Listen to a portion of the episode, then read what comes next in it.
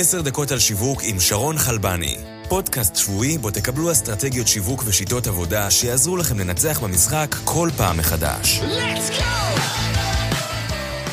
ברוכים הבאים לעוד פרק של 10 דקות על שיווק. אני שרון חלבני, ואיתי נמצא גיל הירש, מייסד שותף של פרודקט בוטקאמפ. פרודקט בוטקאמפ היא תוכנית הכשרה למנהיגי מוצר שהוקמה במטרה לשפר בצורה דרמטית את איכות ניהול המוצר בישראל. ואנחנו נשוחח עם גיל על התפקיד ותפיסת העולם מאחורי ה-title product management. נעים מאוד גיל.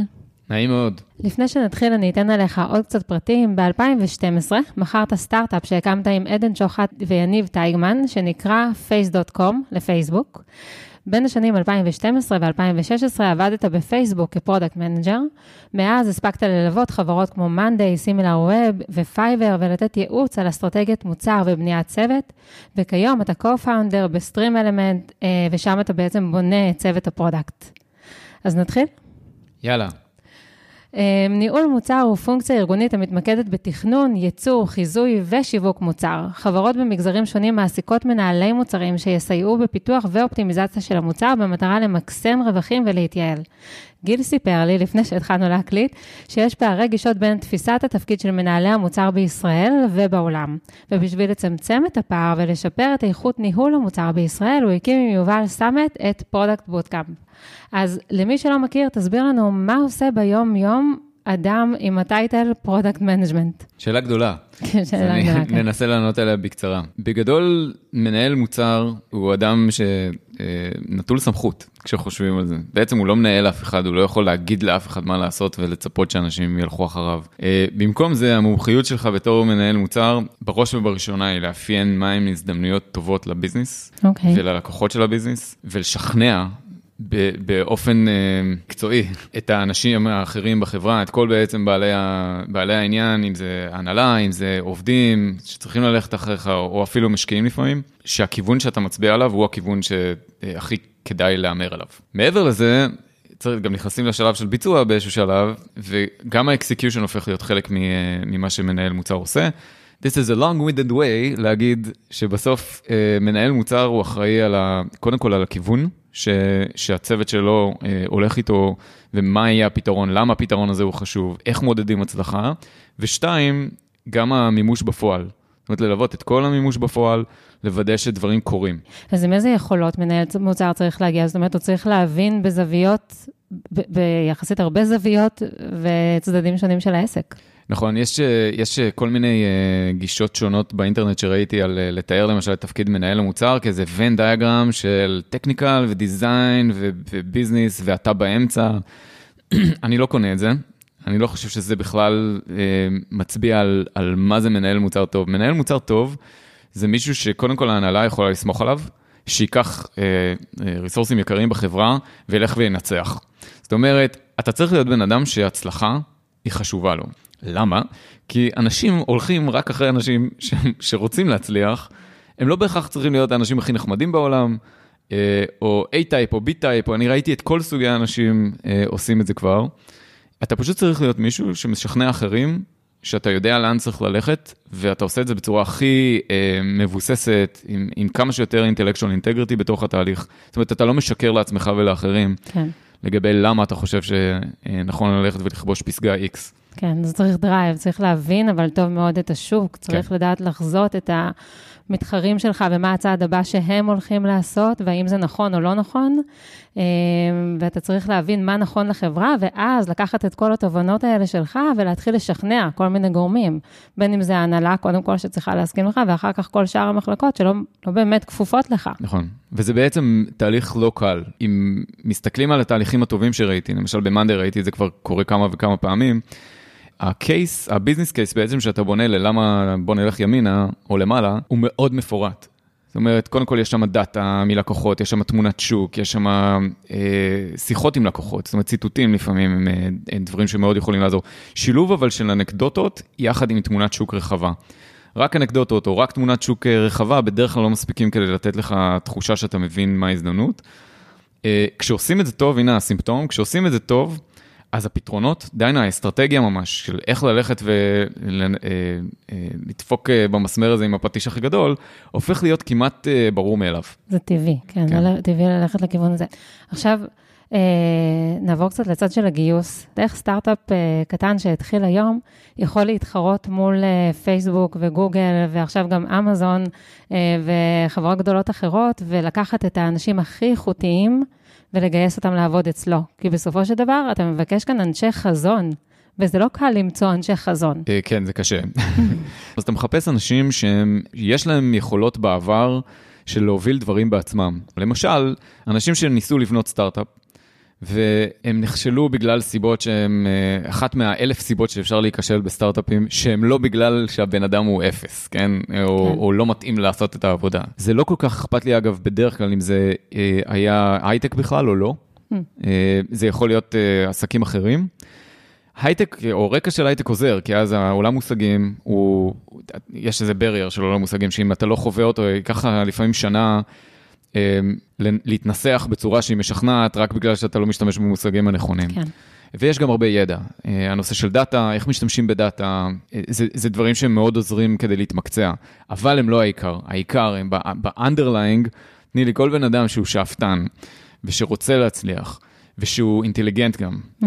ויש עוד איזה מושג בקליפורניה שלמדתי, שזה growth personality. זאת אומרת, אה, אנשים שמוכנים מעבר לאינטליגנציה, הם, הם, הם רוצים לגדול, והם mm-hmm. הם מסוגלים לעכל פידבק. ועם האנשים האלה בדרך כלל אפשר להגיע מאוד רחוק, אבל זה דורש זמן. אה, והזמן הזה זה בעצם מה שאנחנו עושים היום אה, עם, עם החברות שאנחנו עובדים איתן, זה איך לקחת אנשים שהם בדרך כלל קצת ג'וניורים, mm-hmm. ולעזור להם להיות הרבה יותר מסתם ג'וניורים, אלא להיות אנשים שההנהלה נשענת עליהם בקבלת החלטות. זאת באמת השאלה הבאה שלי, זאת אומרת, כאן אתה בעצם מבקש ממישהו שהוא יזם, לתת את החופש לבן אדם אחר לגמרי. בארגון, לקבוע את החזון. זה תרגיל בשחרור. זה תרגיל בשחרור שהוא אפשרי בכלל? הוא אפשרי בשלבים קצת יותר מתקדמים של החברה. זאת אומרת, את שאלת אותי שאלה טובה לגבי סטארט-אפ קטן. אני לא חושב שסטארט-אפ קטן חייב product manager. אני חושב ש... ה product manager הראשון בחברה, זה היזם. ורצוי שהוא יהיה, זה היזם או היזמים, שייקח על עצמו את העומס. הרי זה במילא חלק ממה שאתה עושה מול משקיעים. אתה, יש לך היפותזת שוק, אתה מסביר מהי, וככל שאתה עושה את זה יותר טוב, אתה בעצם הרבה יותר מתקרב ל... לסטנדרט הזה אה, של איך להיות מנהל מוצר טוב. אה, טוב, אז עכשיו נעבור במעבר אחד, ומעניין אותי לשמוע אותך, אה, איך שיווק בא לידי ביטוי בעבודה של ה product management?